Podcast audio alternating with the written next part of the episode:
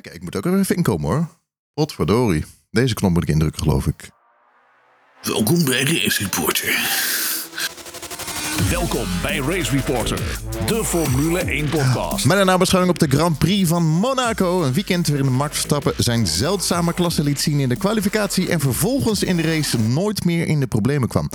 Aflevering 9, nee, 49, eh, 149 van Race Reporter seizoen 7 van deze onafhankelijke podcast. Max Verstappen won de Grand Prix van Monaco. Dit was zijn 39ste overwinning waarmee hij Sebastian Vettel inhaalt als de coureur die de meeste overwinningen heeft behaald met het Red Bull team. Aan het einde van de eerste ronde werd Verstappen de zevende coureur die 2000 ronden aan de leiding lag van een Grand Prix. Deze Grand Prix betekent de 200ste overwinning van een auto met nummer 1 op de neus. Uh, Red Bull boekte zijn, hun zevende overwinning in Monaco. Uh, gelijk aan het aantal overwinningen van Lotus in Monaco. Alleen McLaren en Ferrari hebben meer overwinningen behaald in Monaco. Mercedes heeft er ook een aantal, maar dat was voor uh, 1950. In 35, 36 en 37 won Mercedes. Ik ben Lucas Degen, zit met Charles Jalving. Hij is weer terug. Yay! Yay! Charles, Charles. Het Charles? Ja, gaat, het gaat. Ik Oké. zit hier met een kopje thee, dus eh, herstellende. We noemen hem nu Katja. Jalving. Wij, wij, Charles en, Schuurman. Heel voel dit. wij en je fans hebben je allemaal gemist. Was vorig Snap jaar ik. dat je voor het laatst eh, hebben gezien. Ja, volgens mij is het de eerste keer dit jaar. of Nou, het Vettel special was je bij, toch? Zeker. Special was erbij. Maar Dat was dit maar jaar daarna nog, De voorbeschouwing. Ja, ja, Ja, ja, oké. precies. Ja. Maar dit seizoen in ieder geval. Nou. Hoe was het in Monaco, Charles? Jij was er. Welke dagen was je er? Ehm, donderdag, vrijdag, zaterdag waren we er. En woensdagavond er eventjes. Maar ehm nee, was top. Was weer leuk. Ehm, vooral nu de hele Grand Prix opgetuigd was. En de kwalificatie, alles erop en eraan. Dat was echt een topweekend. Goede plekjes weer weten te scoren. En eh heel veel mensen gesproken. Maar nou, ik vond het wel echt gaaf. Maar vooral die Paul van Max was wel echt een hoogtepunt. Zo, eh, Oh. Heb je Bas, Bas van Bodegraven gezien? natuurlijk. Good old. Mooi, ja, de hoed op. Ja, zeker. Hij zat lekker op een boot, zat eh, Bas. Dus die had weer goed voor elkaar. Ja, mooi. Ik vind het zo leuk om dan die filmpjes te kijken. Gewoon achter de schermen. Gewoon allemaal eh, Nederlandse TED Notebook, zeg maar. Je was Ja. met Jeroen en je was ook op de fiets, zag ik. Op de fiets van Bas. Ja, we moesten even wat, eh, wat eh, van heen en weer brengen voor Bas. Dus we gingen Mooi. op de fiets door Monaco heen. Leuk, lachen Gezellig, toch? gezellig. Nee, was top. maar vooral, we hadden één keer zo'n eh, zo'n rooftop plek. En dat was echt, echt legendarisch om ze dan door die straat heen te zien gaan van bovenaf. Ja. Ik denk dat je zoiets van 40, 50 procent van het circuit ziet van bovenaf. Nou, dat was wel echt super tof. En mooi werk. Kijk, meteen een vraag van Koert. Die, die, die vraagt aan jou. wat, wat kost nou zo'n... wat kost het om toeschouwer te zijn in Monaco? Ja, een goede vraag. En ik had er eerlijk gezegd niet echt antwoord op. Maar ik, had wel, ik was getagd in een tweet met alle ticketprijzen. Ja. Ik heb me wel laten vertellen dat de ticketprijzen echt wel aardig wat hoger zijn dan de andere Grand Prix. Ehm, maar het loopt volgens mij nog wel uiteen. Vooral de zondag is wel echt super duur. Volgens mij dat. En eten, drinken daar en zo? Overnachtingen? Dat verbaasde ons nog wel. Dat viel aardig mee. Wij sliepen dan in Nice eh, tegenover het station. Dus voor ons. En dat echt het openbaar vervoer, zeg maar, richting Monaco. Maar ook met tunnels in Monaco, met liften en loopbanden. Was echt super makkelijk geregeld. Dus ik denk dat we 400 meter moesten lopen van hotel tot, eh, tot circuit, zeg maar. Oké. Ehm, dus dat was goed te doen. En ook de prijs van het eten en dat soort dingen viel ons echt wel mee. Kijk, je dure plekjes bij de fanzone, maar loop één straatje verderop en eh, prima.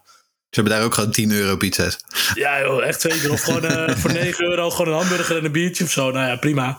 Kijk, het zal misschien in verhouding iets duurder zijn dan andere Grand Prix. Maar ehm, weet je wel, dan is het misschien 1 of 2 euro duurder. Ja, op zo'n weekend dan eh, merk je dat toch niet. Maar in je verblijf?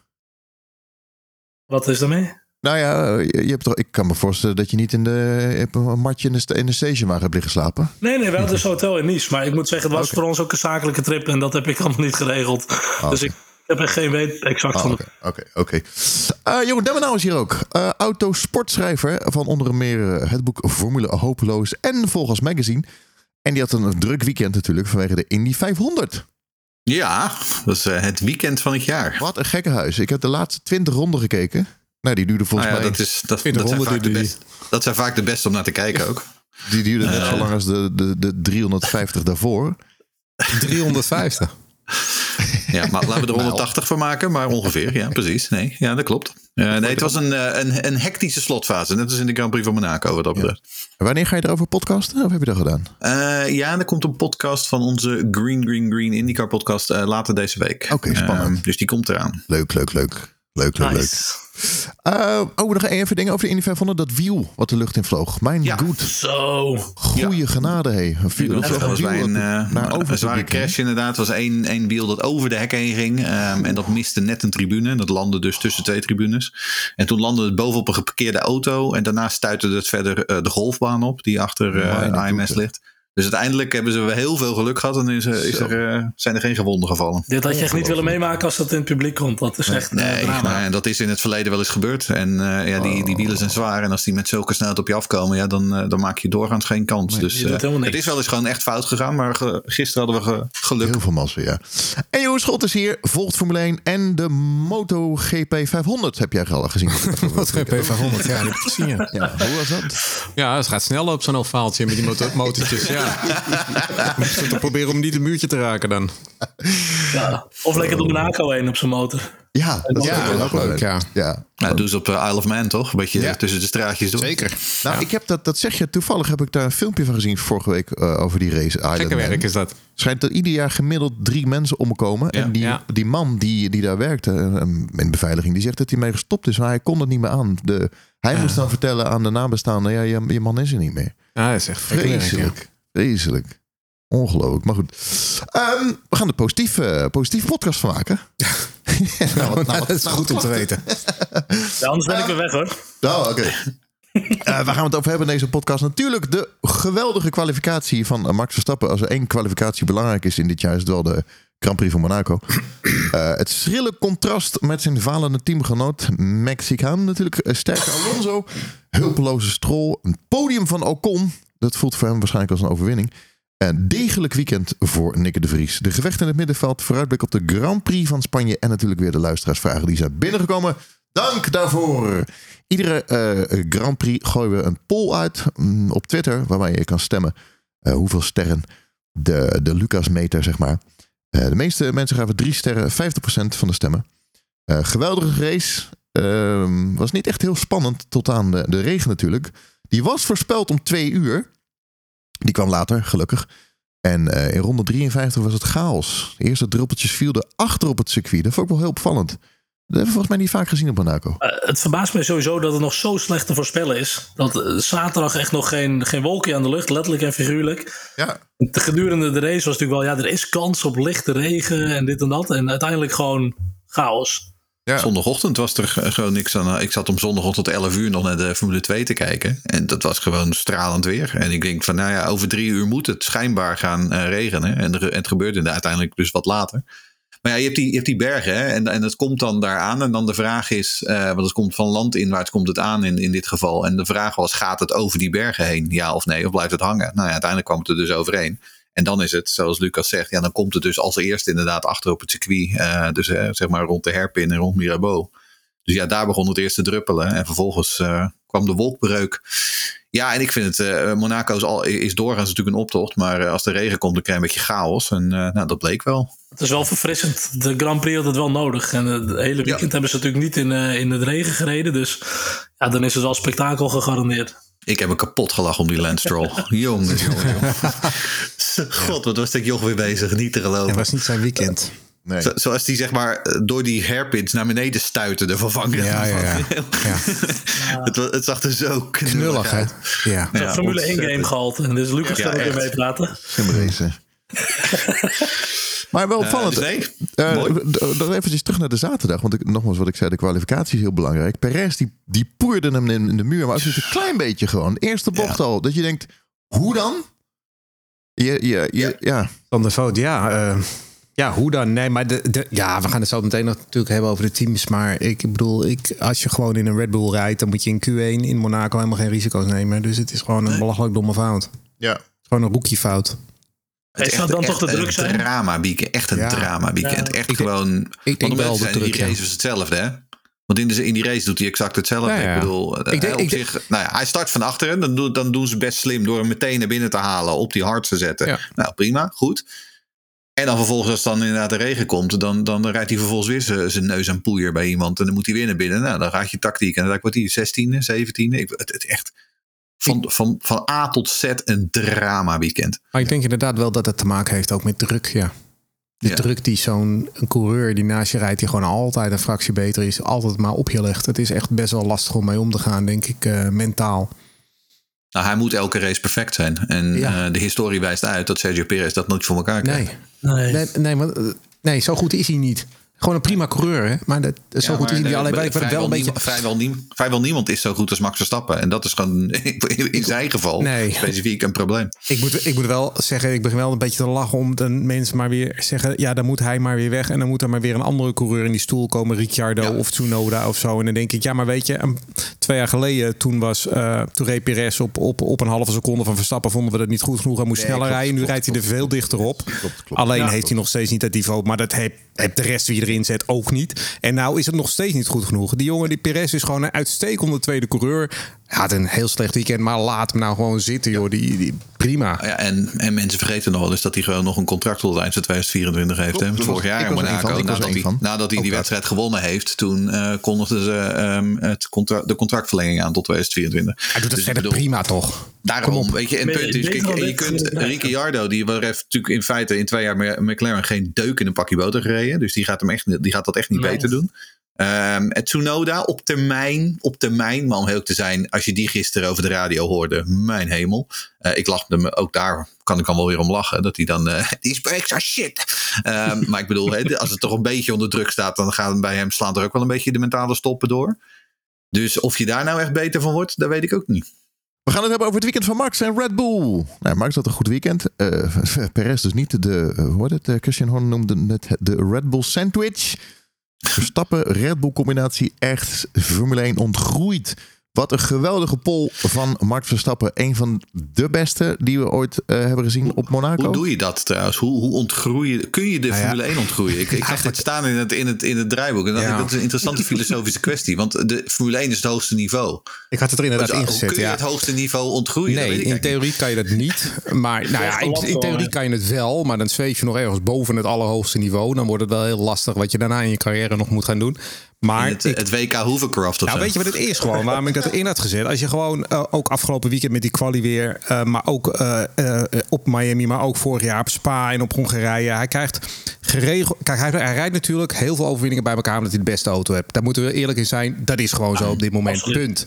Maar als je gewoon naar de afgelopen twaalf maanden bijvoorbeeld in zijn geheel kijkt, dan heeft hij op diverse punten in, in, in, in die twaalf maanden heeft hij allerlei hindernissen zeg maar, op zich afgeworpen gekregen. En een keertje van achteren starten en op Hongarije vanaf P10. Nou, dat is een drama circuit om dat te moeten doen. Op Miami vorige keer eh, had hij natuurlijk gewoon tweede achter Perez moeten zijn, maar wint hij ook nog met een enorme voorsprong. Alles wat je op hem afgooit, omzeilt hij. Hij gaat er linksomheen, rechtsomheen, overheen, onderdoor. Maar overal weet hij mee om te gaan op dit moment. En, en daarom denk ik van nou, weet je, ik heb heel lang gedacht... de twee beste coureurs, Verstappen en Hamilton.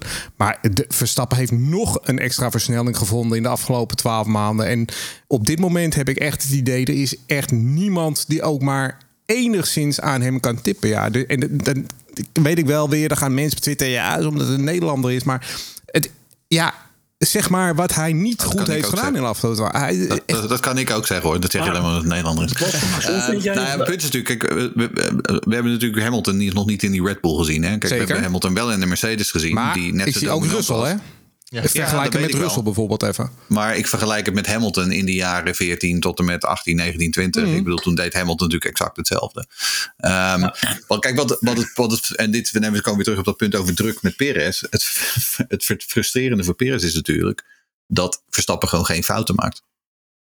Hij maakt in principe gewoon geen fouten. Eh, en vooral inderdaad, hè, af en toe heeft hij wat tegenslag en dan moet hij inderdaad 14e starten. Ja, dat interesseert hem verder niks, Nee. want hij rijdt dat ding nog steeds gewoon naar voren.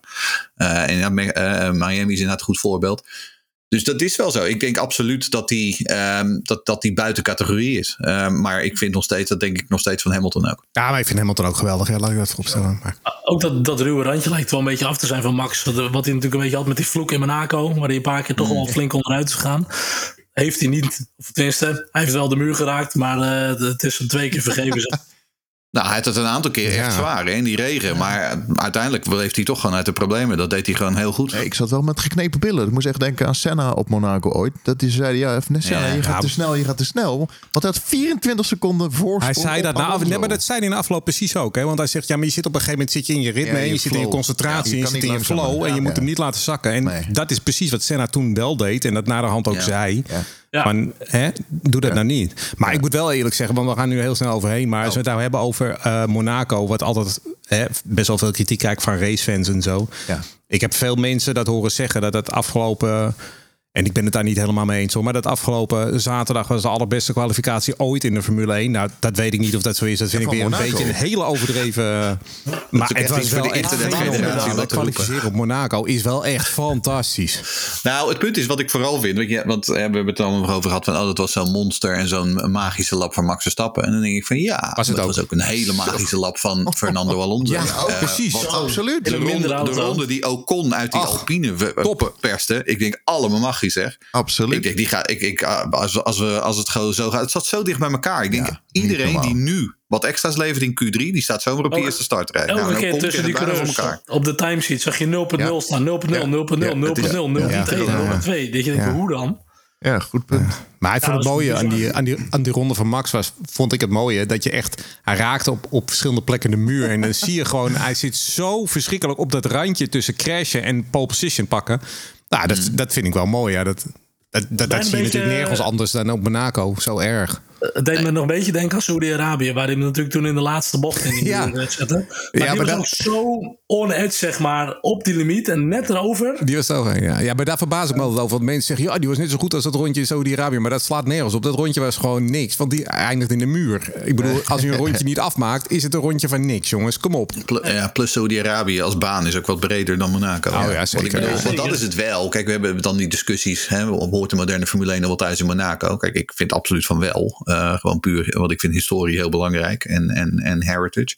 Maar het zijn inmiddels wel echt gewoon. Het is bijna de- het, het F1 Scania eh, WK. hè. Eh, ze zijn natuurlijk Ja. wel gewoon echt in enorme wagens. Als je ziet hoe die dingen soms rond. eh, nou, ik noem het maar gewoon ouderwets de Leufsherp ingaan.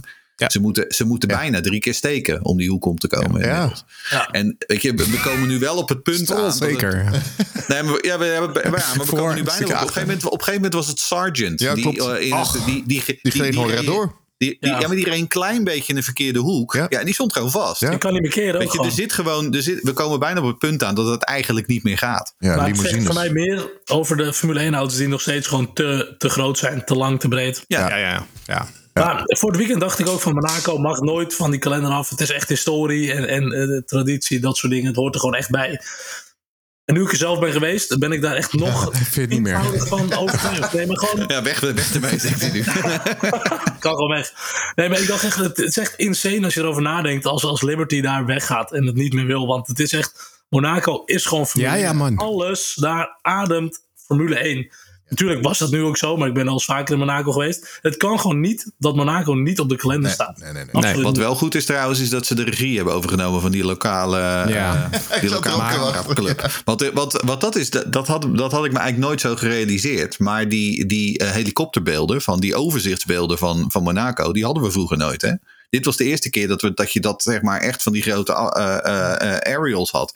Waar ze echt ook, op een gegeven moment zag, zag ik ook een een of andere, eh, waar ze ook met drones aan de gang en zo, boven, boven Mirabeau en, en de Herpin. Ja, dat zit met zo'n kabel, uh, kabelbaan. ja, inderdaad. Ook in die pitstraat inderdaad. Ja. Met zo'n kabelding eraan. Je zag gewoon, ze hebben er wel echt Ja, in klopt. geïnvesteerd om het beter in beeld te brengen. En dat niet, echt heel goed. Ik weet niet wat het is met die heli, want ik heb letterlijk geen helikopter gezien het hele weekend. Maar hij hing er wel, maar die was echt mega ver weg. Dus ik weet niet of dat ook te Ja. maken heeft met boven die bebouwing of zo en het be- bevolkt gebied. Nou, dat zou best kunnen, ja. Eh, want eh, normaal, Formule 1, nou, die, die helikopters die scheren over je hoofd heen. eh, weet je, die, die zitten super dichtbij. dichtbij. Nou, er hing eentje boven de bergen. Dus zeg maar die naar beneden keek in de haven. En dan had je er ook nog eentje die echt zeg maar, naar boven, boven zee hing. Zeg maar dan terug richting... eh. Maar Ik vond het prachtige beelden. En ik dacht van ja, nou, dit is wel echt een verbetering ten Ah, de opzichte van eh, echt- die drama regie ja, voorheen. Vooral toen met die Stroll replay, toch? Die is zo bekend. Die, eh, dat gif. ja, ja, ja. Maar, En wat gewoon is.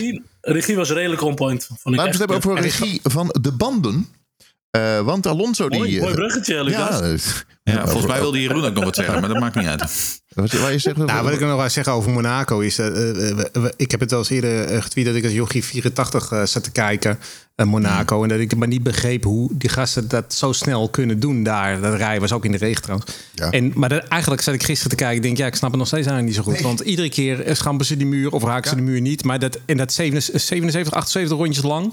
En dan ook nog met regen, waarop de baan continu verandert. En je rempunt verandert en je instuur.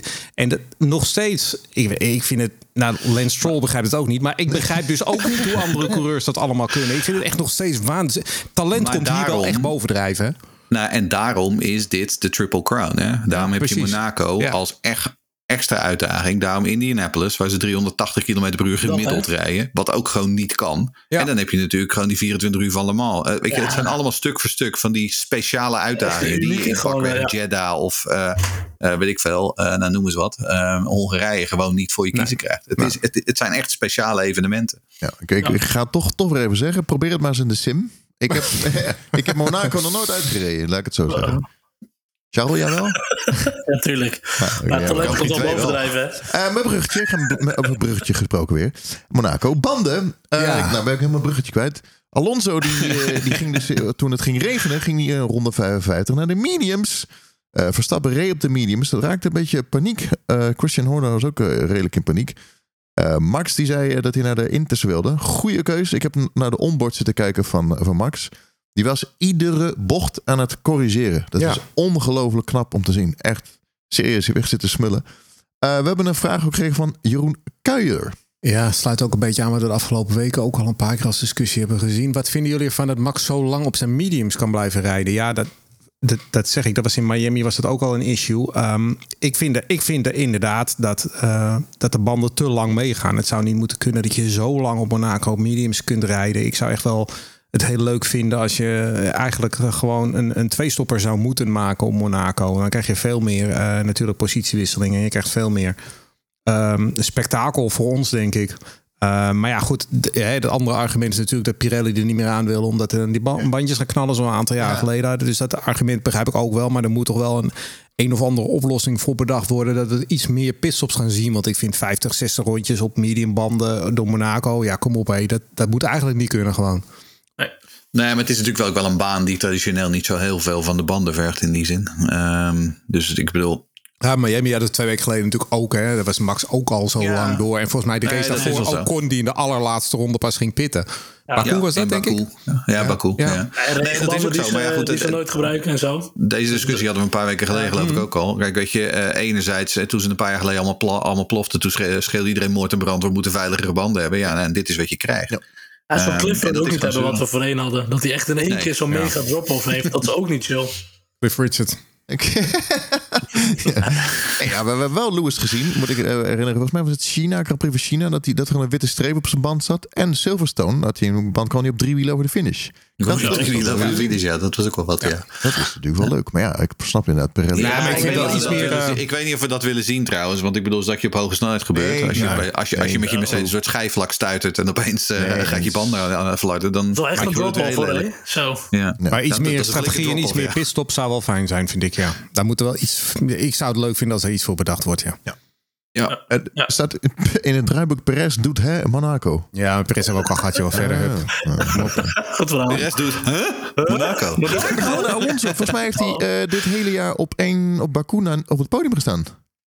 Old Eh, Vos. ja, dat zou zomaar kunnen. Podia, Eh, nou, toch? Ongekend. Nou, eh, ik- daar zat ik dus naar te kijken. Want eh, doordat Ocon nu op het podium staat, hebben ehm, Alpine, Mercedes en Ferrari allemaal evenveel podiums. Ja. Namelijk één. En Alonso, die heeft er al inmiddels al een stuk of vijf. Ehm, dus ehm, nou ja, dat is echt, echt ontzettend knap. Eh, en dat begon natuurlijk ook, ook, ook hier weer al op zaterdag. Ik bedoel, want hoeveel kwam die nou eigenlijk tekort ten opzichte van de pole position? Niet zo gek veel. Ehm, en vervolgens in die wedstrijd heeft hij het natuurlijk gewoon heel goed uitgereden. Eh, eigenlijk in, vooral in die, in die beginfase, eh, eh, hij was de enige die Max Verstappen enigszins Ja, kon volgen. Ehm, wat ik bedoel, ook kon, nou ja, die reed rustig op een seconde, meer dan een seconde achterstand per ronde. Ehm, Ja, op hard. Ja, precies. En, en, en, en uiteindelijk, ja, weet je, dan, en toen, toen kwam de regen. Ja, en toen, eh, hij, gokte gewoon verkeerd met die, eh, met, met die pitstop. Zo simpel is Ja, het. En dus dat? moest hij een extra maken. Ja, Ik vond dat zo'n linker keuze. Want als je ook nog met die nieuwe band Ja. op temperatuur moet komen. en het is al nat aan het worden her en der. Je Ja. zo hard de Sjaak zijn gewoon. Ik, eh, weet je, ze zullen, wat, wat ik bedoel, ik hoorde op een gegeven moment ook McLaren en Alpine radicaal di- verschillende dingen zeggen over wanneer het regen zou komen en uit welke richting Ja. het zou komen. Dus ik weet niet naar welke eh, regendata ze kijken. Ehm, misschien dachten ze dat het over zou blazen of dat het een klein sprinkeltje zou zijn, weet ik het. Ja. Uiteindelijk, bottom line is, hebben we daar verkeerd gegokt. Had hij dan eventueel de wedstrijd kunnen winnen? Want dat las ik her en der. Nou, ik, dat zie ik nog steeds niet helemaal gebeuren. Wat ik bedoel. Eh, kijk, eh, uiteindelijk weet je, een tweede plek eruit halen hier, dat doet hij gewoon uitstekend. Ja. Ehm, en ehm, eh, Alonso mag hartstikke trots zijn op wat hij doet met die auto voor dit hele seizoen. Want hij rijdt, hij rijdt echt uitstekend. Eh, als herboren zou ik willen zeggen. Zeker. Maar las ik ergens op Twitter ook dat hij er wel voor had kunnen komen misschien. Maar voor mij als je dat tempo van Max natuurlijk ook nog zag op een gegeven moment, dan denk ik, boah, was echt wel weer een klas apart hoor. hè? In de regen. Ja, Jawel, maar je moet je er altijd weer langs zien te komen. En dat valt ook niet mee Je met een er wel- opdrogende lijn. Want dan moet je juist weer op het natte gaan komen om in te halen. Dus het is altijd nog wel een ding hoor. Vraag je maar, vraag maar, aan, Nigel, vraag maar aan Nigel.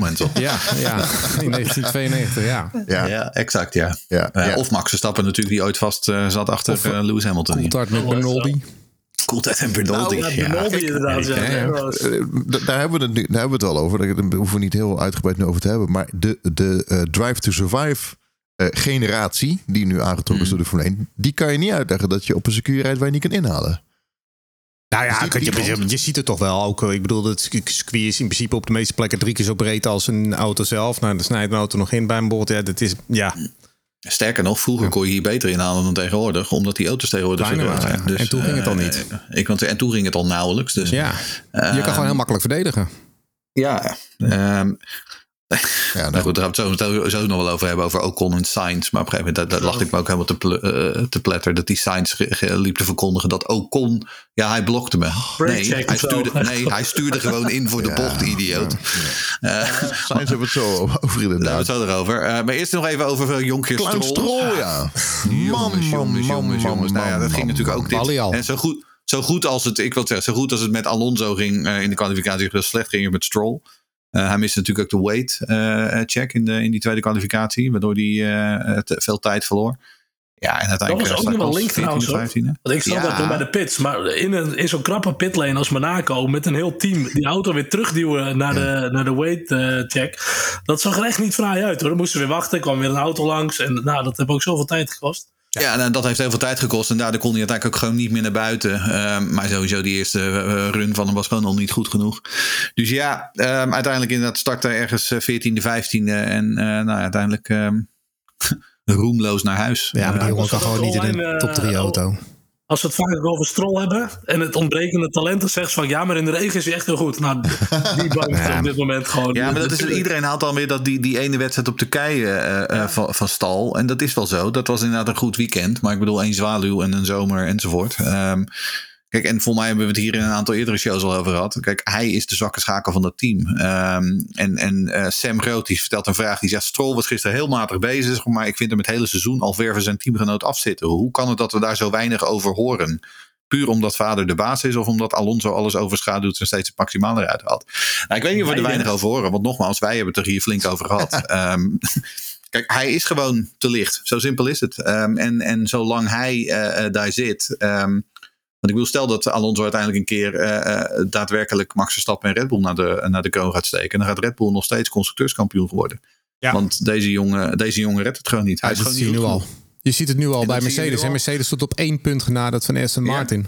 Terwijl, exact. terwijl, terwijl Alonso de podiumspin haalt. Eh, En. Alonso heeft, En hij geloof ik, rijgt. hij, hij heeft nu al, wat is het, ruim drie keer zoveel punten als, eh, als, Stroll ook Ja. in zes races. Ik goed. bedoel, het is, het, het is overduidelijk. Wat De- hij is doen- gewoon de zwakke schakel. Wat, wat Lawrence gewoon moet doen, is zorgen dat hij een auto heeft die net zo'n voorsprong heeft als wat Red Bull nu heeft. En dan een matige coureur naast Stroll zetten. Dan is er technisch gezien een mogelijkheid. Om kampioen te worden. Maar dan nog denk ik dat als je de druk erop zetten bij Lance Stroll... en eh, of het gaat regenen of er zijn omstandigheden die hij niet 1, 2, 3 verwacht... dan wordt het moeilijk. Want Lance Stroll kan best op zich inderdaad... die heeft af en toe hele goede dingen laten zien. Weet je, hij heeft ook wel eens een keertje een poog gepakt... en al dat soort dingen. In Turkije was inderdaad toen heel goed. En hij heeft wel meer hele goede wedstrijden gehad. Maar ik bedoel, het is totaal niet consistent. En er tegenover staan ook een aantal ontzettend slechte prestaties... zoals gisteren. Ja. En ja, ik, dat is geen leider van een topteam in niets. En eh, je hebt ook gewoon eh, een coureur nodig als je een auto echt goed wil doorontwikkelen, die op het randje van zo'n auto kan gaan rijden. Hè? En eh, ja, dat is hij ook niet. Dus, Nee. dus ja, het blijft gewoon een enorm zwakke schakel als je vasthoudt aan het, het zoontje van de baas. Kijk, En dat gaat hij doen, want dat zou ik ook doen als het mijn zoon was. Ja, Ja, nee, maar dat is de hele reden dat hij überhaupt deze tent heeft natuurlijk. Eh, en Alonso die, eh, die roept ondertussen... eh en dan kan pastaaljagers overvliegen hier. Eh, en Alonso die roept ondertussen ehm, tegen, tegen Jan en Alleman die te horen van... Ja, Lens is zo'n groot talent. Want ja, Alonso weet ook wie zijn rekeningen betaalt en wie zijn salaris betaalt. Ehm, En Alonso denkt, het zal maar allemaal wel. Laat, laat die jongen daar maar lekker zitten. Eh, ik wil gewoon die auto beter maken. En straks nog voor een derde wereldtitel gaan. Ehm, maar ja, nee, laten we ons geen, geen illusies maken. Lance Stroll had helemaal niks in dat team te zoeken. Zeker niet in, in een auto die nu zo goed is. Eh, en dat... Ja, Maar wie zou je er dan in eh, willen zien? Ah, je kan er van alles in Die- zetten. Drugovic Ik ook te licht. Het, het kaliber Ocon en Gasly Nou is al veel beter. weten, Ja. Drugovic weten we helemaal niet, want dat hebben we nog nooit uitgeprobeerd. Nee, dus kunnen we niet van zeggen dat hij te licht is. Nee, die zou ik daar ook niet in zetten. Ik zou hem er eh, ook niet in zetten. Maar ik bedoel, als ik eh, zou, ik zou eens proberen om een Lando Norris weer los te weken Ja. bij, eh, bij of zoiets. Of eh, weet je, Ja. ik bedoel, er zijn natuurlijk altijd opties in die zin. Maar ook, het, dat zeg ik, Ehm. het, het kaliber Gasly Ocon, dat zijn prima tweede rijders achter Alonso. Die zitten daar veel dichter op en af en toe ook ervoor. Hebben we vorig jaar ook gezien, want dat was Ocon natuurlijk ook teamgenoot van. hem. Ook Dus- Ocon en Alonso bij Alpine, prima. die zaten heel dicht bij elkaar. ja, Ja, daarom. daarom. Dat, dat, dat, zit- dat, dat is prima. Ehm, dus ja, weet je, zoveel opties, Charles. Maar Ehm, Maar er zijn er een heleboel die beter zijn dan Stroll, mij Oh, betreft. Er zijn eigenlijk maar twee factoren die belangrijk zijn. Dat is dat papa het zat moet worden. En dat Ja. Stroll zelf. Ja. Maar ik- Stroll zelf moet denken, ja, oké, ik, heb ik ga er nu mee stoppen. Dit heeft geen zin meer. Nee, ik, ken ook, ik, ken ook, ik ken ook al vijf coureurs uit de IndyCars opnoemen van dezelfde leeftijd die ook beter zijn. Dus Nee, ik bedoel- en dat soort jongens een keer ook gewoon inzetten. Nee, maar het gaat om papa Ja. en, en zoon. Die moeten zelf eh, op een gegeven moment gaan zeggen. Ja, maar dat gaat Ja, hij nooit dit doen. is- nou, dat- dat weet- Nee, nee. en dit is dus de kwestie. En, en, en in die zin heeft Sam natuurlijk gelijk met zijn vraag. Komt, dat, eh, komt het dat we hier zo weinig relatief over horen omdat hij het zoontje van de baas is? Ja, natuurlijk. Ja. Ja. Daar, heeft, daar draait alles om. Dat is de hele reden waarom we in deze situatie terecht zijn gekomen. En we hadden tot voor kort hadden we exact dezelfde situatie bij Haas met, eh, met de mazzepinnetjes. Nou ja, dat is, daar zijn we gelukkig vanaf. Eh, en Latifi bij Williams was ook niet anders. Van alle paydrivers is Stroll op dit moment nog wel de minst eh, slechte vervelende die we de laatste... Nou ja, er zijn er niet zoveel decennia natuurlijk. Sargent misschien nog, maar voor de rest niet. Ja, maar Sargent is geen paydriver. Uh, Nee, Joe. ja. Oh, zo, ja. Dat is, dat, is een, pay- is een paydriver. Maar, Ehm, Nou, Sargent zal toch ook wel wat meenemen? Ik denk niet dat hij er zit Nee. vanwege zijn godvergeten talent. nee, Sargent. Nee, nee, Sargent. Sargent zit in de, in de Williams Academy. Merce- Mercedes. Hadden een nieuwe Mercedes. sidepod. Mercedes. En gaan we het ook nog hebben over de onderkanten van auto's? Of, eh, Nee, die gaan we skippen. Nou, nou ja, dat vind ik wel een goeie. Want ik zat namelijk eens, ik zat op een gegeven moment twee foto's van die Mercedes en die, ehm, Red Bull. en die Red Bull Ja, te nee. bekijken. En die Red Bull, dat zag eruit als de Sixtijnse kapel. Eh, en die Mercedes, die zag er van onderuit als mijn fietsschuurtje. ik dacht van, dat is, daar zit wel echt een verschil in hoor. En dat was op een gegeven moment een, een van de... Wat zeg je? Wat heb je voor fietsschuur dan? Nou, gewoon een huistuin- en. Nee, maar ik bedoel, maar zag je hoe complex en Ja. hoe, hoe uitgedokterd die Red Bull van onderen was. En hoe relatief simpel die Mercedes was. Ik stond daar echt van te kijken wat het verschil was tussen die twee. Maar die foto's het hangen al geprint in al die fabriekjes opgehangen hoor. leg, eens, leg eens even uit. de leg, eens, RB19. leg eens uit voor een leek. Hoe belangrijk is de onderkant van een Formule 1 auto? En waarom is het zo'n geheim? eh, eh, eh, ja, Nou, in 60% deze van al je generatie auto's, daar komt al je, daar komt het meerderheid van je downforce vandaan. Dus, en dat is ook de reden. eh, want er was op een gegeven moment een van de ingenieurtype die op Twitter een draadje erover had. En die zei van, dit is dus de reden waarom Red Bull zo goed is. Want die auto, die is echt tot in de detail. Kijk, en ik ben, geen, eh, ik ben ook geen vehicle engineer, dus ik snap ook de details er niet van. Maar ik kan wel volgen wat hij, wat hij zei van, kijk hoe uitgedokterd en hoe gedetailleerd eh, ze gekeken hebben naar elk element van die auto om die, om die airflow te regelen. Eh, en dit is overduidelijk, vergeleken inderdaad met bijvoorbeeld, we hebben de Ferrari ook wel eens van onder gezien. Ehm, weet je, eh, de Red Bull is gewoon veel eh, complexer en, en schijnbaar gewoon veel verder doorontwikkeld dan, dan, eh, ja, precies, ja, dan de Mercedes en de Ferrari. En ik vond het wel mooi om te zien, inderdaad. Ja. En Christian Horner maakte er een grap van. Die zegt van ja, ja, ze hebben even onder ons rokje kunnen kijken nu. Eh, maar ze gaan hun gang maar. Maar is, is, dat zo? Want hoe waardevol is het om voor Mercedes om deze foto te hebben? Oh, heel erg. Het is wel heel Ja, waardevol. kijk, maar- ik denk niet, kijk, ik Ja. denk niet dat je gewoon één op één kunt kopiëren. Maar je kunt Nee. er wel degelijk eh, ideeën uit opdoen. Van, oh, dus zo hebben ze dat opgelost eh, rond, eh, rond die middentunnel. Of zo hebben ze dat opgelost, zeg maar, Ja. rond de voorkant. Dus je kunt er natuurlijk wel gewoon ideeën uit opdoen. Vaak is zo dat ze natuurlijk echt een eigen filosofie hebben voor de hele airflow over de auto. de- waar ze de downforce vandaan halen. Dus je kan het zeker niet één op één kopiëren. Maar lering uithalen zeker. Dat zag je ook met Aston Martin, die gewoon een kopie had gemaakt van Mercedes. Toen, eh, dat is het twee jaar geleden of zo. Ja, bedoel, als je het een beetje kan natekenen. Nou, dan heb je toch een redelijk goede AliExpress versie van, eh, van een snelle auto. Dus ja, liever heb je het niet. Maar volgens mij Monaco was zowel de Ferrari als de Red Bull als de Mercedes waren van de onderkant te zien. Dus ja, Ja, en als je nu Williams bent en eh, je hebt Mm. één punten uit zes wedstrijden, dan Ah. ja, ga je toch even kijken van hoe doen ze dat dat, dan dat straalt eigenlijk? het voor mij ook met name op Perez af. Want het is gewoon letterlijk zijn fout. En dat is wel lelijk. Ja. Ah. Wat ik wel opmerkelijk vond zelf was dat eh Imola ging natuurlijk niet door. En ze hadden daar al die grote updates gepland. Dat Mercedes het gewoon door heeft gezet. Hè. Die zijn met die nieuwe sidepods gekomen en alles. Ja. Eh, maar Ferrari heeft het helemaal afgeblazen. Die gaat pas in Barcelona nu volgende week met zijn nieuwe updates Maar komen. Ferrari. Nou ja, aan de ene kant begrijp ik die filosofie wel. Want die hadden zoiets van, ja, dan gaan we met een hele andere aerodynamische... eh, de- de- de- op Monaco is misschien niet handig. Want dan, hè, dan krijgen we misschien weer eh, dat de, au- dat de coureurs daar niet de limiet kunnen vinden... en zich niet op hun gemak voelen in de auto. Ehm, ja, dat is een filosofie. Maar ik vond het wel opmerkelijk dat Mercedes het gewoon doorzet, Heeft hoor. Mercedes ook zeker geen Ja, het, is wel voor, het, is, het heeft ook, ik wil zeggen, het heeft ook echt geholpen voor Ferrari. Want die rijden zaten nu zo lekker comfortabel het in de auto. keuzes maken, Nee, dan ja, nee, eh, natuurlijk. zit Ferrari er niet lekker bij. Vooral Sainz, die had echt een, die had een wereldrace. Sainz, echt een toprace. Eén stapje terug. Sidepod Mercedes. Ja. Wat Oh, vind moeten je we het daar weer over hebben? Oh. Ja, een stuk mooier, want ik vond die andere afschuwelijk, die zero dingen. Ja. Werkt die? Ja, ik weet ik niet. het. Dat weet niemand. ik heb geen idee. Uh, locked Hoe zou ik dat moeten years. weten op een baan als dit? ik eh, ik kan, je- kan je vertellen dat ze in Barcelona gaan ze nog niet winnen in ieder geval. Oké, oké. Maar Nee, de- Ferrari zat er inderdaad weer lekker bij. Wat een bende. Het ging weer alle kanten op. Ja, nou ja, vooral die is dat ik me dood aan het ergeren. Ehm, want dan wil ik dus, hij, ik- hij rijdt zelf met zijn stomme kop rijdt hij eh, bij, bij Ocon naar binnen. En vervolgens probeert hij ook de schuld op Ocon af te schuiven. En vervolgens, eh, en, en later inderdaad, eh, en, en, toen, en toen wilden ze hem naar binnen halen. En toen negeerde hij ze gewoon de hele tijd. En vervolgens kwam hij achter Ocon weer terecht na, nadat hij uiteindelijk spits opgemaakt had. En toen was het allemaal hun schuld. Toen dacht ik, ja, nou moet je eh, wezen, vriendelijke, vrolijke vriend. Nee, het- all over the place. Echt all over the place. Ja, sommige coureurs die hebben dat. Dan hebben ze, Perez had het natuurlijk ook, eh, Sainz had het, Stroll had het, eh, Logan Sargent had het. Dan hebben ze zo'n weekend en dan loopt het vanaf het begin eigenlijk niet. En dat kunnen ze niet meer omkeren. Dan wordt het eigenlijk van kwaad tot erger. Eh, de- de- Incident op incident dingen. En terwijl je gewoon, weet je, oké, het is even misgegaan. Maar je moet eigenlijk gewoon weer jezelf even resetten. En gewoon, Machtig, ja. ja, en bij, bij Sainz zag je dat ook dit weekend. Het- Ja, Ah, ik vind ook soms krijg ik ook gewoon een beetje plaatsvervangende schaamte van Ferrari. Als je gewoon een, op de teamradio hoort, het is gewoon, het hakkelt, ze twijfelen, eh, het is een verkeerde met beslissing. Leclerc ook, hè, met Norris, hè, dat incident in quali. Zo slecht. Hebben ze hem gewoon niet gecoacht. Hebben ze ook weer excuusvraag geboden. Maar ja, jeetje, kom Maar op. ook dat, hè. Ik Weet vind je? Leclerc en ook Sainz vind ik dan ook te lief.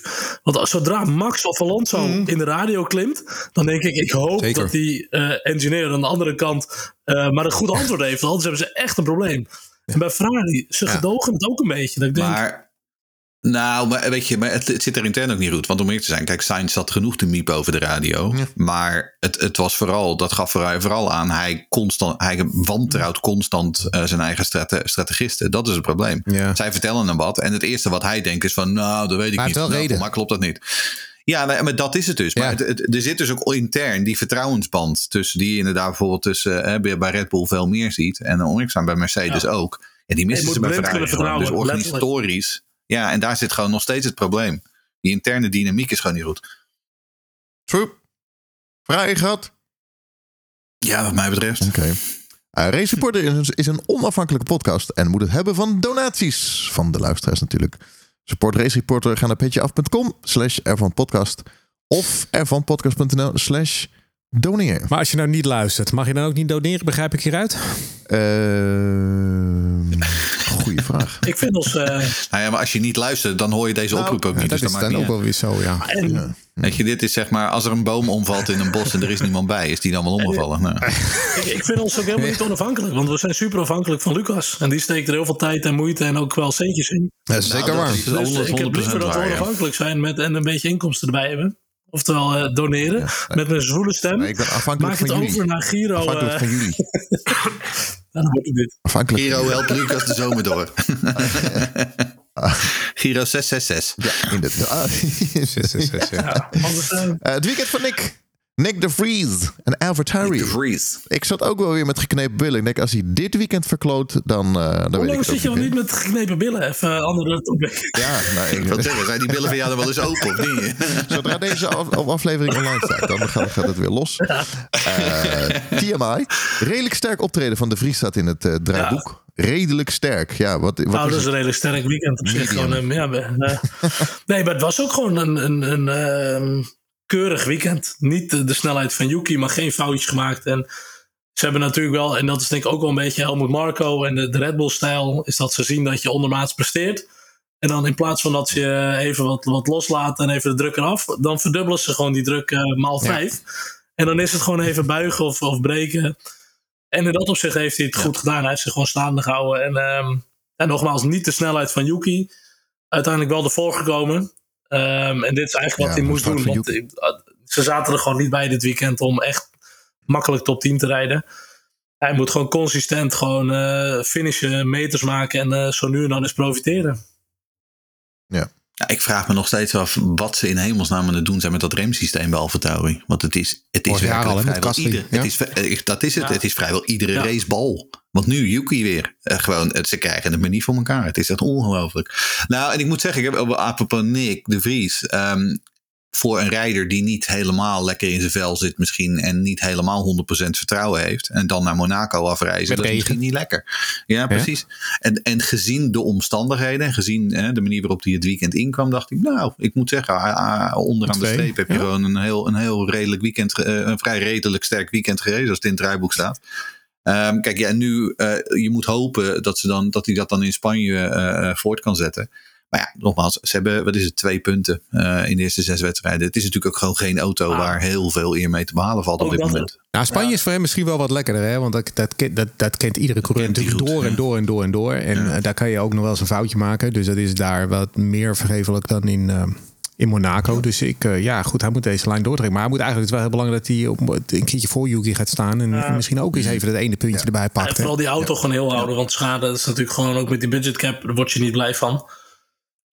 Nou ja, nee. Maar goed, weet je, ik hoop dat ze, Nee, hem, eh, ik hoop dat ze hem minimaal gewoon even dit jaar geven. Ik bedoel, hij- je- ja, soms heb je dat gewoon. Dan zit je net even in zo'n slechte flow. Die auto is er niet, de setup is er niet, de remmen niet. En, eh, Nou, en hij heeft nog een beetje druk van achter ook. Hè? Die Liam Lawson die leidt in het Super Formula eh, kampioenschap in ja, Japan. ook binnen, Die doet het gewoon binnen erg goed. 1 ook. Het middenveld is ook gewoon best wel competitief. En daar kom je ook niet zomaar mee tussen. Dat is lastig.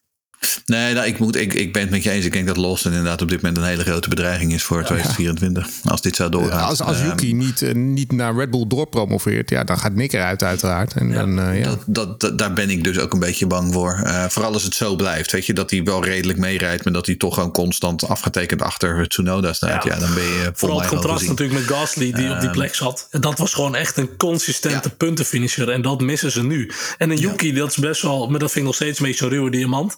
Die snelheid zit erin, hij kan het. Hij is wel nog een beetje grillig. Maar het is ook geen, geen kopman. En, en eh, ik vind dat hij het goed doet door Yuki.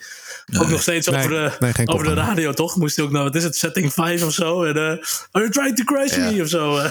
Gewoon, of nee. These are shit. Nou, ik, ik zie Ja. in hem als, als persoonlijkheid nog niet echt een heel stabiel karakter die eh, voor een topteam als Red Bull al eh, Nee. geschikt is. Eh, Dit is niet zijn rijtalent, daar heb ik wel vertrouwen in, maar meer als karakter, als persoonlijkheid.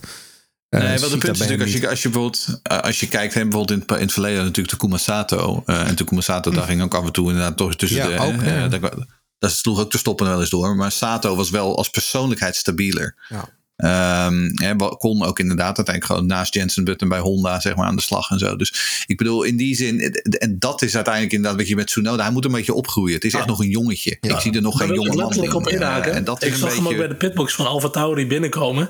En het is echt dat jonge... Je zag hem over het hoofd zeker, nee, hè? zeker, bijna wel. Bijna wel. Nee, maar hij is echt dat jonge broertje. En ook hoe hij met al die monteurs omgaat en zo. Ja. Ze doen hem even een ei over de bol en even zo, eh even zo'n knokkel eh, Ja. op zijn kop, weet je wel. En het is hartstikke lachen, want het is echt een lolbroek. Maar voor Formule Je ziet 1, ook op de zeg maar, socials. voor een team als Red Bull, blijft het gewoon een klein, eh, klein broertje gewoon. Klein clowntje. Ja, maar dan ik moet wel zeggen dat, dat Red Bull misschien daar nog wel het, de organisatie die, die, kan, die kan daar nog wel een beetje mee omgaan met dat soort jongens. Ik denk bij Mercedes zou die bijvoorbeeld totaal niet op zijn pad. Bij. McLaren zou die totaal niet op zijn plaats zijn. Maar bij de hè, Red Bull heeft een wat lossere Ja. filosofie Maar, nog soms. steeds, maar dan nog steeds is hij er niet hoor. Nee, oh, nee, ik. nee, nee, Eh, nee, kijk, wat, je, wat Ricciardo was natuurlijk ook een lolbroek. Maar Ricciardo had wel gewoon aanzien binnen het team. En leverde ook gewoon. En Kijk, met, met Tsunoda, hij, heeft nu een paar lekkere, hij is nu lekker begonnen dit seizoen. Ehm, maar hij moet het ook nog wel even doorzetten. Oh, zeker. Ja. Kijk, en ik ben het met je eens. Ik denk dat Lawson, want dat is natuurlijk wel het voordeel voor Nick de Vries. Dat Lawson is in principe de enige druk die je van achter hebt. Want ik bedoel, ik zat dit weekend weer naar die Orgies in de F2 te kijken. Die zijn er nog niet hoor. Uh, Hadjar is echt nog niet klaar. Eh, Hau- Hauger. Wordt het niet. Eh Fittipaldi wordt het niet. Ehm, De Amerikaan. En, en, weet je, ik wil, nou, Crawford zeker niet, maar die zit nog in Formule 3. eh, Of nee, die zit ook in Formule 2. Dus, je, die, dus die zijn er allemaal nog niet. Maar Lawson Wel. eh, zou inderdaad. Dat, Ja. Lawson is wel gewoon een. eh, ja, ik denk dat die er wel gewoon klaar voor is. Ehm, dus als Nick, ehm, ja, wat ik zeg, als Nick dit, dit niet heel snel echt eh, Yuki partij gaat bieden, dan denk ik dat Lawson jaar in die auto zit. Er is hierna ook niks meer voor Lawson natuurlijk. Als hij Super Formula wint. Dan heeft hij in principe alle Nee. junior series al gehad. Dus dan is het of Amerika of het is eh Red Bull. Ja, nou ja, Eh, dat. Ja. Zo, wat zou je zeggen? Nou, waar we het net over hadden, die karakters, ook zoals een Yuki. Dat, ik had toevallig van het weekend over Sam McLaren. Is voor mij ook echt helemaal gewoon. Er zit bijna niks meer in dat team. Je had wel, zelfs Sainz was daar best wel leuk. Ricciardo was natuurlijk lachen en zo. Maar je mist daar wel ook echt een beetje een karakter nu. Want ook McLaren was een team waarbij je echt wel gewoon lol kon hebben en eh, lekker baldadig zijn of zo. Maar dat vind ik ook met zo'n Sargent. Dat straalt voor mij ook nog heel weinig uit allemaal. Nou ja, Ik heb- Norris, ik- Norris heeft dat natuurlijk wel, maar Norris die, dat werkte vaak goed samen Ja. met Sainz. Hè. Je had een beetje dat, die wisselwerking. Piastri is natuurlijk, dat is nooit een echte lolbroek geweest. Dat was die in de juniorklasse ook niet. Piastri had gewoon hard. Ehm, en ik moet ook wel zeggen, ik vind, ik moet, wat, wat Piastri ziet, het valt niet zo op hè, nu natuurlijk. Maar eh, ook die rijdt gewoon dit weekend weer netjes achter. Norris naar een puntenfinish. Gewoon weer, gewoon weer zonder problemen. Ehm, langzaam maar zeker zie je dat hij ook gewoon zijn, eh, ehm, eh, zijn, zijn, zijn vorm begint te vinden. Maar het is inderdaad, het is geen lolbroek inderdaad. Ja, het, het, het echte, eh, Nee, het, maar ja. het oude Jordan 1997 Ja, eh, idee, zeg maar. Dat is wel een Ik, beetje ik weg. ken nog steeds een McLaren van Ron Dennis. En dat was helemaal geen lolbroeken team. Nee, dat was, Dat was echt super, super strak. Als je ook dat, dat woking, daar mocht geen propje, niks. Helemaal, niemand mocht eh, op zijn bureau helemaal leeg Ja. en, en schoon. En geen prullenbakjes en dingetje. Jeetje, Williams nou, onder het bewind. Dat is echt eh, een enorme of discipline. Williams onder het bewind van Claire. Dat is ook natuurlijk. Eh, Dat was ook de reden, Ja. dat, was ook de reden dat eh, Jan Magnus, dat Nou. was ook de reden dat Jan Magnus het nooit behaalde bij eh, McLaren. Heb je, heb, ken je die, ken je die eh, anekdote? Eh, nee, ik weet niet wat je wil Want Jan vertellen. Magnussen, die was, Jan Magnussen was half jaar geleden, die was testcoureur bij McLaren Mercedes. En toen ging hij samen met eh, Ron Dennis gingen ze vliegen. En toen op een gegeven moment toen, eh, moesten ze inchecken of zo. Toen, had hij, toen moest hij zijn paspoort vinden. En dat zat ergens in zijn koffer. Eh, en, en Ron Dennis zegt, hij maakt zijn koffer open. Hij zegt, en alles lag door elkaar. Eh, weet je, vuile was en schone was. En hij zegt, en toen zag ik, hij zegt, ik zag die koffer. Ik wist toen, dit gaat nooit wat worden. Omdat Jan er ook volledig, zeg maar, heel, heel veel absoluut niet georganiseerd was. Terwijl dat, dat hele McLaren-team rond Dennis Ja, natuurlijk wel heel erg ja, super, super was. discipline. Maar zijn zoon heeft het wel gehaald bij. McLaren. Althans, Zijn zoon heeft, heeft het er geen wel reden. gehaald. Ja. Jaar. Ja. Ja. precies. Dan het middenveld. Podium voor ijzersterke Ocon. Die was er blij mee. Waarom had hij een rode helm? De groene verf was op? Ik weet het niet. Weet ik niet. Was het weer een eh, Spider-Man helm? Ter ere van. Nee, het was geen Spider-Man helm. Maar hij rijdt al het hele jaar toch met zo'n rood, eh, vrij rood kreen? Nee, zwart met van die rode strepen. Hij heeft een hele mooie helm. Maar een zwarte helm met van die rode strepen, lijnen doorheen. Maar nu een variant erop, maar dan in het rood. Ja. Ik ben, zo- ik ben sowieso die. Charles gaat of ik naar ben de wc sowieso of hij die. gaat eh, ons iets ja, zien. gaat even naar de wc. Of die gaat even een kopje thee halen. komt met een rode helm. eh. Dat kan ook Misschien zit. Ocon beneden op de...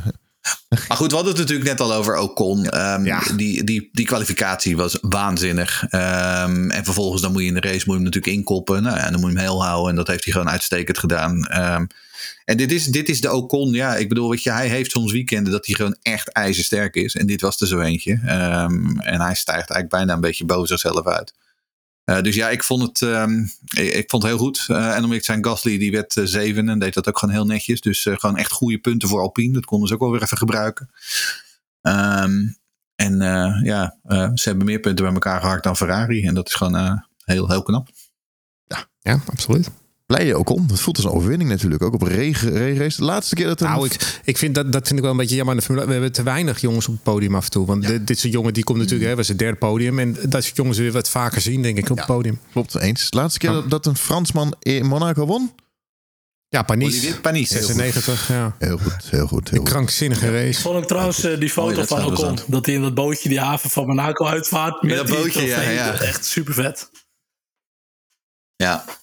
Nee, ja, en, en dit is, kijk, hij, dat heeft natuurlijk, we hebben het al eerder gedaan, natuurlijk dat hoogtepunt, die overwinning in, eh, in, in Hongarije. Maar hij, hij heeft af en toe van die wedstrijden in die Alpine, dat hij echt gewoon boven zichzelf uitstijgt bijna. En gewoon echt, eh, nou, echt heel, heel mooi resultaat haalt. En maar dit zijn ook nog jongens Ehm, die zijn echt super blij met een podium. Hè? Kijk, voor Max is het 321ste en Alonso heeft ook al 700 keer opgestaan. Maar dit soort jongens die zijn natuurlijk echt Ja. super blij. En dat vind ik altijd wel leuk om te zien inderdaad. echt te weinig. Ja. Zo'n Gasly, uh, Monza. Ja, zeker dat Monaco natuurlijk is het leuk. weet je wel. Dat gebeurt echt veel te weinig.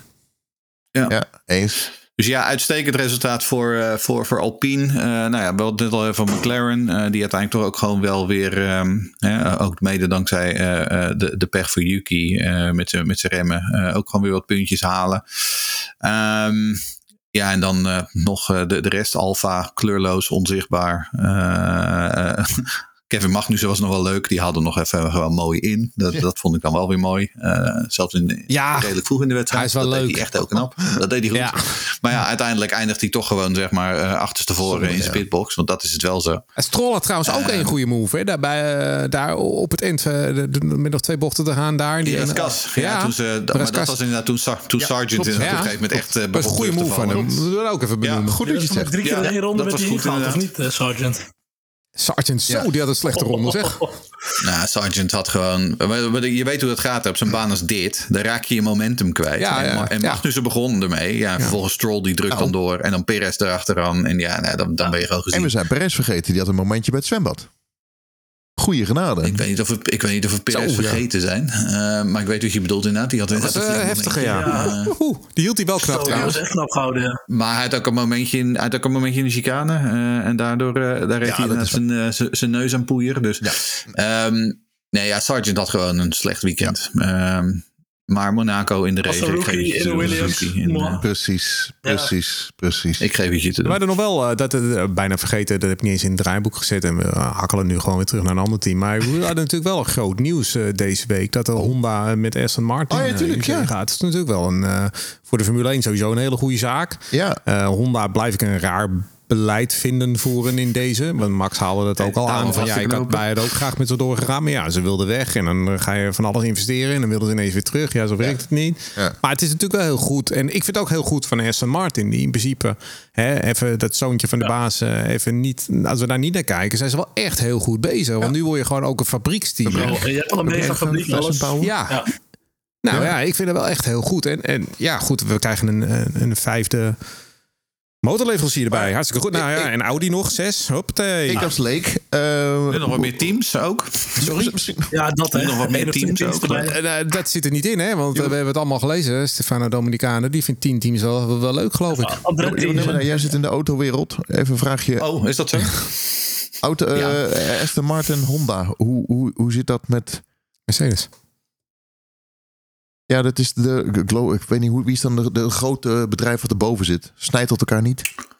Eh Aston dat Martin is volgens mij zichzelf. Nee, nee, nee, nee, nee. Aston Martin is zichzelf. Die wel wat minderheidsaandeelhouders, geloof ik. Ja, maar het bijt elkaar ehm, niet in het dat opzicht. Het zijn ook gewoon Aston Martin, sportauto's nee. ten opzichte van gewoon normale roadcars, zeg maar. Nee, omdat we namelijk ooit hadden we Lotus, Lauda, Renault. Oh, allemaal stickers zodat ik het niks meer van begreep. Ja, ja, dat ja, ja, bedoel ik ja. meer. Nee, ik, snap, ik snap wat je bedoelt inderdaad. Maar de- nee, dat, is- dat is niet... eh, de- in deze constellatie eh, v- zitten Honda en, en Aston Martin niet samen. Nee, Zou nee, het dat dan ooit eh, Honda kunnen worden dat het Aston Martin niet meer bestaat? Of is Ja, dat... Zie ik niet zomaar Mm, gebeuren. natuurlijk kan dat. Helemaal niet met Honda, want die gaat elke keer Kijk, drie erin het en dan weer een tijdje eruit. En dan Ja, weer ja, in. ja. Nou, maar het hangt er een beetje vanaf. eh, En hier hebben we het al eens eerder over gehad. Ik denk nog steeds dat Lawrence Stroll op termijn gewoon de tent aan de hoogste bieden verkoopt. en zou dat Honda kunnen zijn? Ja, Yep. absoluut. Zou, zou zeker kunnen, maar dat weet ik Maar- niet te speculeren. Of een Sauber-constructie, ja, dat is verhuurd. Het ziet er wel heel gezond uit op dit moment, vind ik, de Formule 1. Qua Ja, teams, zeker, eh, zeker. motorleveranciers, et cetera. Daar hebben we ook wel eens andere tijden gehad. Dat we Ja, dachten, van, ja. het wordt echt een leegloop. En eh, En de geruchten gaan dan weer dat de naam Alfa Romeo, die gaat dan weer daar weg. Want dan komt Audi natuurlijk bij Sauber. Ja. En dan, wordt het, dan gaat het naar Haas toe, die naam. dat zou prima kunnen. Het schijnt dan weer Ja, dat nu zou te zijn. Ja. Ja, en om ook te zijn, Williams, hè, dat, is, eh, dat is de joker. Want Williams is eh, eigendom van de investeringsmaatschappij. En wat doen, wat doen investeringsmaatschappijen op termijn? Die Darlington, verkopen ja. de tent Ja, ik zou er nog wel echt bij willen zien. Ehm, dat zou echt tof zijn. Ja, oh zeker. Ja. Ja, of een ander team Nou hoor, mag ook. het. Maar eh, Uh, zeker. Andretti, Andretti Cadillac natuurlijk. Ik bedoel, dan heb je inderdaad uh, per Lucaspunt... dan heb je opeens een grote General Motors in de Formule 1. Ik bedoel, dat is natuurlijk... Uh, dat is alweer even geleden dat we General Motors in de Formule 1 hadden. Nou ja, misschien omdat Ford komt, dat het misschien een... Uh... Nou ja, ja, maar Ford komt niet echt, hè? Nee, ja. Dus... En misschien nog een USF1 team. Als ze die server eindelijk weten te fixen. Dat die, uh, ja. Als ze die server even... ja, ja, USF1, ja, ja, ja. Nou, ik, keek gewoon het, ik keek gewoon het live uh, met de W12 weer live, terug. Ja. We of die uh, schoenen verkopen. We gaan die, helemaal... Uh, André ja, dat is ook goed. Helemaal ja. off, the, off the road. Maar ik vind, uh, ik vond BMW eigenlijk jammer dat die weggingen. Oh, en Toyota ja, ja. had ik veel meer van verwacht. Toyota. Nou, ik vind het sowieso jammer als dat soort namen weggaan. Maar we krijgen nu dan weer Audi terug. Dat vind ik wel weer heel leuk bijvoorbeeld. En Porsche, die geruchten blijven maar gaan. Red Bull vind ik nog steeds een hele vette... Dat klinkt als een vette combo. Maar... Ja, maar goed, het punt is... dan heb je dus meer teams nodig. Uh, uiteindelijk weet je... Ik bedoel, er is 12 motoren en er weer 10 teams. Misschien wordt Alfa Tauri wel, Alfa Tauri wel Porsche. Who knows? Wie weet. Staat genoteerd. Ja, ja. WK strijd Mercedes nadert Aston Martin. Jawel. Op één punt. Dat uh, nou ja, goed, dat, dat, dat, dat, net al een beetje gezegd. Dat komt ja. natuurlijk door Lance Stroll, ja. die gewoon geen punten scoort. En dan uh, krijg je gewoon weer wat, wat, wat uh, McLaren vorig jaar eigenlijk had. En met Norris en Ricciardo toen. Dan krijg je een eenmansteam. En dat, wordt, dat is gewoon heel lastig punten scoren. Ja. Um, ja, voor de rest is het een grote... Het grote verschil met vorige keer is natuurlijk dat Max nu eindelijk zijn ja, zijn gat heeft geslagen. Hè. Het is nu al in 39 mm. punten. En we gaan nu naar de niet-stratencircuits voorlopig. Dus, uh, dus Checo kan wat dat betreft zijn, uh, zijn borst uh, nat maken. Hè? Ja. Onze Street wat, Fighter. De Minister of Defense. Ja. Ja, er zijn wel mensen die noemen dan... Ja, maar Canada is wel een stratenbaan. Maar ik vind Canada geen nee, stratenbaan. Nee, ik vind nee, het net zoals Melbourne, dat vind ik geen stratenbaan. Nee. Uh, Melbourne meer nog dan Canada inderdaad. Ja, uh, maar goed. Ik vind, dat mag, je ja. mag het noemen wat je wil. Maar ik bedoel, uh, ja, 39 ik punten. Vind, een stratencircuit waar gras ligt, vind ik geen stratencircuit. Maar dat tezijde. Uh, nee, gras en grind hoort niet op een straatbaan. Open, openbare wegen in ieder geval. Ja. Maar, ja. Maar ik vind in wel... die zin zou Spa ook nog uh, kunnen tellen. Ik vind wel, uh, als je kijkt naar bijvoorbeeld... hoe je het ook bent of verkeerd. We hadden vorig jaar natuurlijk... Uh, toen het seizoen begon, hadden we twee hele goede auto's. Hè? Dat was Red Bull en dat was Ferrari. Ja. En als je nu kijkt hoe Ferrari terug aan het zakken is in het WK ook. Gewoon ten opzichte van Aston Martin, ten opzichte van Mercedes. Uh, die, dat is wel echt, die, die, die zitten wel echt in een hele slechte fase. En die auto is ook gewoon niet goed genoeg. Um, no. Het is wel echt heel erg zorgwekkend wat ja. ze daar doen. En als je dan nee. ziet wat Aston Martin allemaal de komende jaren van plan is... en hoe ze ook aan het investeren zijn en al dat soort dingen meer. Ja. Ik zie bij Ferrari de komende tien jaar echt... Uh, nou, en ik denk, uh, wat ik wel denk overigens, is dat Mercedes gewoon een goede kans maakt om gewoon tweede in 2K te worden. Oh, zeker, ja. Uh, vooral, als die, ja. vooral als die nieuwe auto met die uh, nieuwe, de, de auto met sidepods, ja. als dat zeg maar beter werkt dan die zonder. Uh, en ze kunnen gewoon met enige regelmaat inderdaad. Uh, laat Alonso lekker tweede worden, maar zij ja, kunnen derde en vierde worden. Maar Alonso uh, rijdt het toch alleen voor Alonso hoor. Dit interesseert hem verder denk ik helemaal niks. Die wil gewoon, nee, die wil gewoon zo meteen nee, een keer een race winnen. En dan is zijn seizoen prima. Maar, wat wel? Maar Lawrence zal er misschien nog wel ja, wat Lawrence wel. Ja. Wat ik wel opvallend vind is dat, uh, had ik niet verwacht, dat Lewis uh, er beter voor staat dan Russell dit jaar. Ja, en ook beter dan alle tweede Ferraris. 6 en 7 ja. staan ze nu. Uh, Sainz en Leclerc. Dat is echt wel uh, poeh. Matig. Zich herpakt. Nee, maar Hamilton is gewoon terug. Hè? Ja, de, de Hamilton, van, de Hamilton zoals die, zo slecht als die vorig jaar begon, zo, zo goed is hij dit jaar begonnen. Ja, ja maar Russell die was weer boos op zichzelf, want die had er eigenlijk voor moeten eindigen. Ja, die ja, maakt een zelf foutje. Dat doet, ja, dat doet hij toch echt zelf. Ja. Uh, maar dat is nogmaals, je hebt het al eerder over gehad. Dit, dit houdt, ze houden elkaar wel lekker scherp. Ze houden elkaar lekker. Het is, het is een goed, het is een goed sterk team hoor. Het is het beste, het is het beste rijdersduo van het veld. En um, toch, als die Mercedes op een gegeven moment... ooit de nummer 1 auto is, dan hebben ze met z'n tweeën denk ik wel een probleem. Want dat zijn twee kopmannen. Ja. En het ja. is geen nummer 1 en geen nummer 2 rijder. Van dat blijf ik vinden. Eens. Ja, dat is en nu zo. om die puntjes sprokkelen, ach, dat gaat allemaal wel goed joh. Maar nou, als het echt om een zegen gaat, poeh. ja, laat het maar gebeuren. Ja, net als met Alfa Romeo, hè. als dat ooit de beste auto wordt, ja, Bottas en Oh, dat- Bottas en Zoet, ja. Ja. Uh, vraag met de van Melody. Melody. Oh, uh, hoe groot is de kans dat uh, Alonso Checo voorbij gaat schieten in de punten? Gewoon vanwege zijn constante resultaten. Of zorgen onder andere de upgrades door het hele seizoen er toch voor dat hem dit niet gaat lukken? Charles en Checo vochten vorig uh, jaar uh, om plek 2. Ja, nee, ja, goed, we gaan het allemaal zien. Ik denk dat, dat de kans best wel aanwezig is. Want die Aston Martin die gaat in de komende tijd nog best wel flink updaten. Hè? Ik denk niet dat die En, en die Red Bull, dat hebben we eerder ook al gezegd. Het is ook een beetje de wet van de remmende voorsprong misschien. En die hebben ook nog eens wat minder tijd in de winter en zo. Dus het zou best kunnen. Zeker als halverwege het seizoen Max op 70, 80 punten voorsprong staat. Dat ze al wat doorgaan weer naar volgend jaar. Eh, waar Aston Martin het niet doet. Dus ik denk inderdaad dat Checo nog een hele, hele grote kluif krijgt aan eh, Fernando Alonso ja, in, de, in, de, in de loop van het seizoen. Ja. Gaat dus best wel De groot. wet hoor. van de remmende voorsprong. het is allemaal niet groot. Basis, het basisboek economie bij Jeroen Scholt op Ja, ja. Zo. eh, Nee, maar het is helemaal goed. 105 en 93. Het is 12 punten verschil maar. Hè? Maar ja, het is niet heel veel. Perez is dichter bij Max dan, dan bij Alonso. Nee, dat is niet waar. Want Perez en dat Max is zijn waar. Dan moet je 39 beter punten uit elkaar en zij 12. niet waar. Klopt dus. mijn statistieken niet.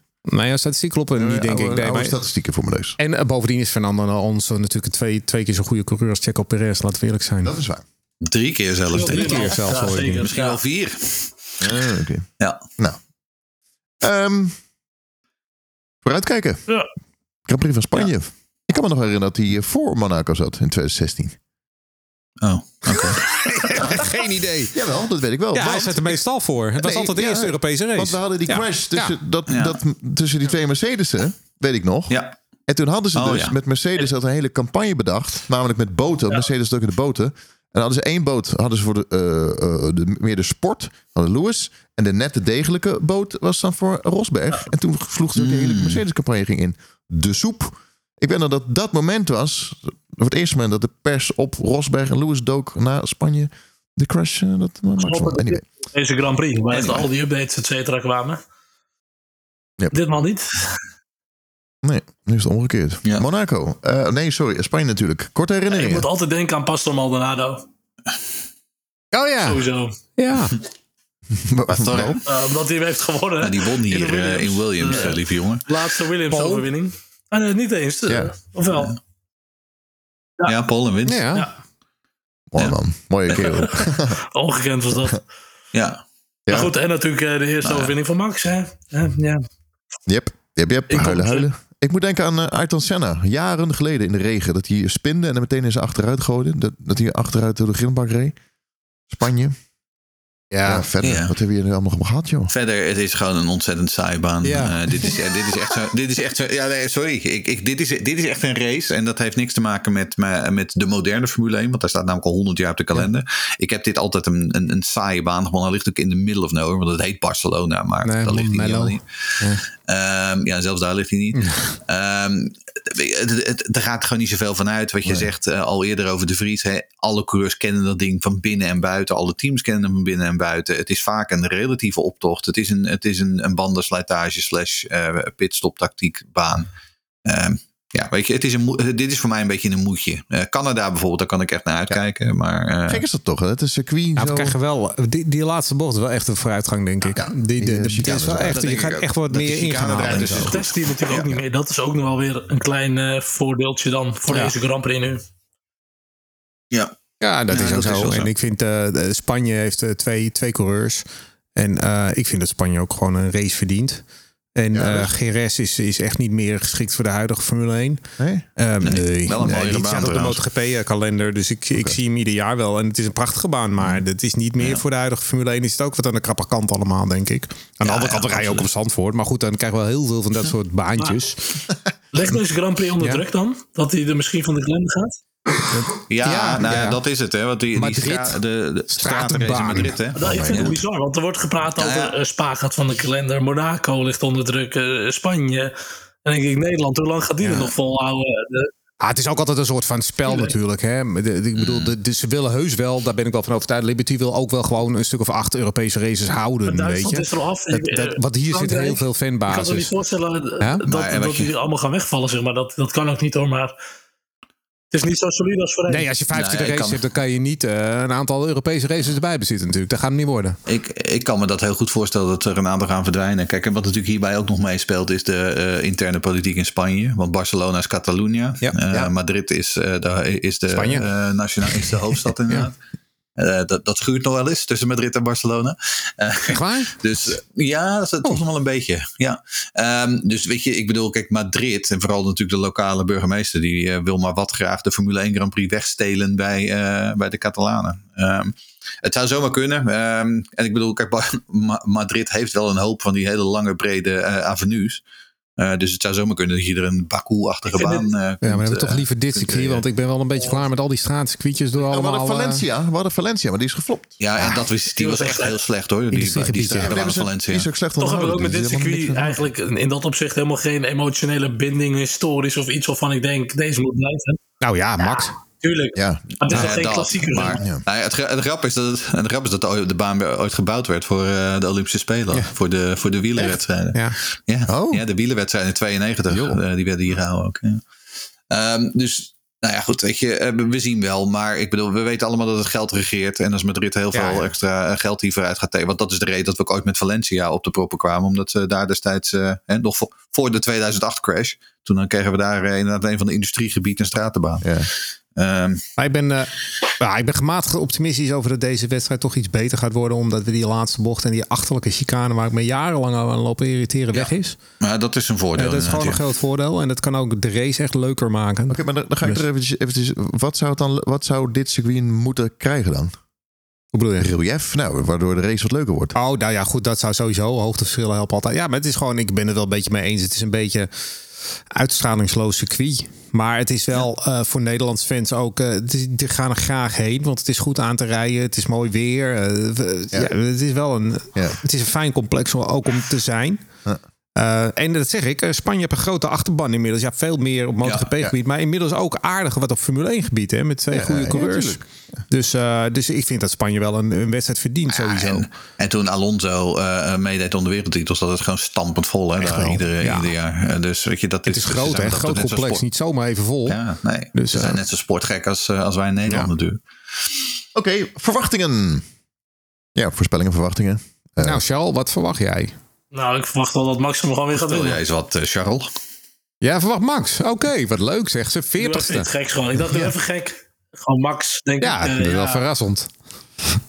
maar eh, Nee, dit wordt, eh, dit wordt eh, de zoete wraak van Sergio Perez. Oké. Ja. ja, dat zou wat zijn, ja. Weet ik het. Ik bedoel, kom nou, op, de moet, moet, er toch iets, moet er toch iets voor Alonso, het WK? kom ja. op. Ja, hij heeft wel echt... Nou, vooruit. Hij heeft wel echt ja, power. Alonso Als hier je maar ziet winnen met wat voor voorsprong Max heeft Ja. gewonnen de afgelopen races en zo. Dat, Ja, je bent... Ja, Oh, ik ga het gewoon niet doen. Ik ga het gewoon niet doen. Nee, Nee. nee. Sorry. Ja, verwachting, wat kan je zeggen? We weten toch wel een beetje de rangorde op dit moment. Hè? Dat verwacht ik vooral in Spanje. Dat vind ik zo'n normaal, standaard, eh, middelmatig Ja. circuit. Dan gebeurt niet ineens iets heel geks, eh, naar mijn inziens. Nee. Eh, Nee. Oh, Nee, geen nee, regen, nee, nee, geen nee, nee. regen waarschijnlijk. Kerk droog. Nee, wat kurk droog, ja. Daar ik wel weer zin in. Oké, nou, zullen we dan gaan, we, gaan we voorspellen dan? Voorspellen. Ja. Voorspel on. Ik had de voorspellingen volgens mij nog niet binnen van, van Daniel. Maar dat eh, komt misschien nog. Ehm, eh, zal ik als eerst? Nee, Charles. Ja, is Ja, goed. Charles Nou, dan eh, Stroll wint hem. Oh. Alonso P2, Perez P3. En op 10 doen we Nick de Vries. Nou, het er serieus in? Wacht maar, wacht maar. ja. Ja, nou, we wachten wel, maar... ehm ik denk dat we lang moeten wachten. Jeroen Dermedaal. Ja, nou, eh, Sergio Perez gaat winnen. Eh, in het belang van het kampioenschap. Ja. Ik, ik, ik, ik blijf eraan vasthouden. Eh, Max Verstappen wordt tweede. eh, en Fernando Alonso wordt derde. En eh, ach wel ja, Nick de Vries als tiende vind ik ook leuk. Daar ben ik voor. Nou, ik ga er toch wel voor Max, die wint. Checo wordt tweede. Alonso wordt derde. Ehm, Alex Albon, die wordt tiende. Ik had hem bijna ook die voorspelling. Maar ik denk, ik ga, ik ga toch anders. Ik, ik denk dat Alonso gaat winnen. Nou ja, super gaaf zijn. Zou ik echt heel blij zijn. Dan eh, Max en dan Perez en tiende Ocon. Ja, ik zou het de mooiste uitslag vinden. Ik gun het hem. al- Ik vind, ik vind het altijd leuk als Nederland wint natuurlijk. Maar ik vind Alonso op Spanje, dat zou echt fantastisch zijn. Laatste zege was ook in Spanje Ja, trouwens. dat Dus, zou mooi zijn. Ik gun het hem wel. ja. Dat is wel grappig. Mijn eh, vriendinnetje, die heb ik vanochtend naar Schiphol gebracht. Die zit in Barcelona een weekje. Oeh. Dus die gaat ook eh, Formule 1 eh, sfeer proeven. Kijk, Ja, misschien even hartstikke goed. Kijk. met bekende mensen uit eten of zo.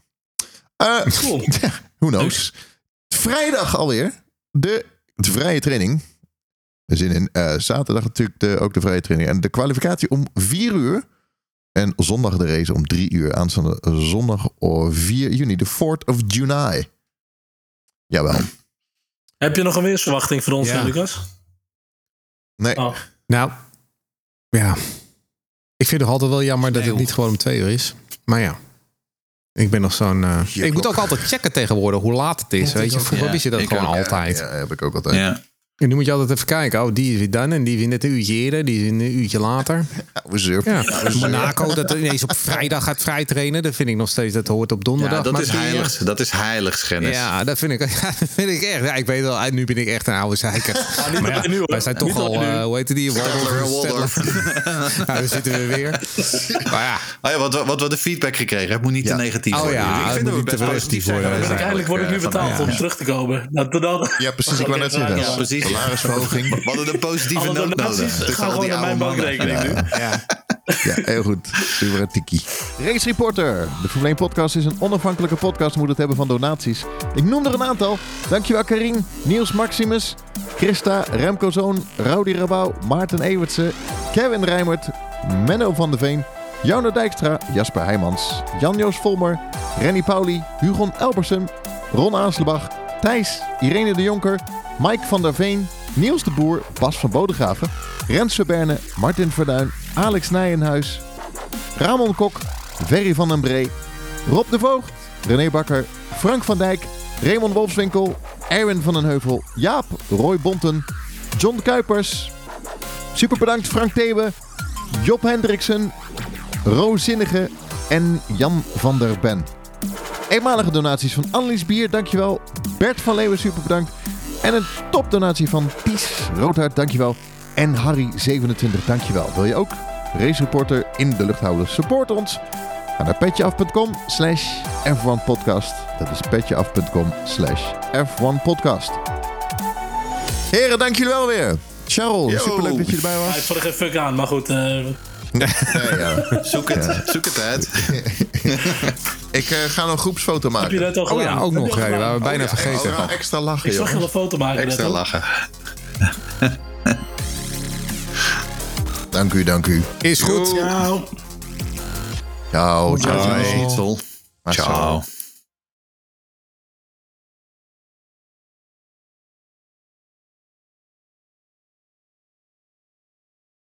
Ah, Als ze- als ze- Dat is gezellig, jongens. Oh, Wil je niet je blikjes verfrommelen? Er zit tegenwoordig staat. Oh ja, shit, dat doe ik al automatisch nog steeds. ja. Geld. Alles is veranderd weer. Maar dat is ook onhandig. Want vroeger hadden we dan kwamen er een paar vrienden stappen. En dan hadden we allemaal blikjes op, eh, op tafel staan. En dan moest je, ja, als je dan klaar was, kneep je hem in. Dan wist je dat dat een leeg blikje was, zeg maar. En dan, en nu, eh, dus, ja, eh, dan moet je ze allemaal op. Oh, die, Ik wist ja. dat vroeger, vroeger, ja, vroeger ook weer. Alles vroeger. Vroeger was alles gewoon beter. beter. vroeger had je geen podcast. Juist. Nee, nee, je, Nee. Wij, nee, nee, wij schreven gewoon een brief. Had je geen strol ook? Geef je gewoon de brief naar de krant, die werd er niet geplaatst. Ja, nou ja, precies. Of uh, ingezonden stukje, ja, inderdaad. Ja, Mooi. Ik ga monteren om. nou, was prima Ja, toch? Zeker. Ja, Oh ja. Tuurlijk, het is wel even leuk zo.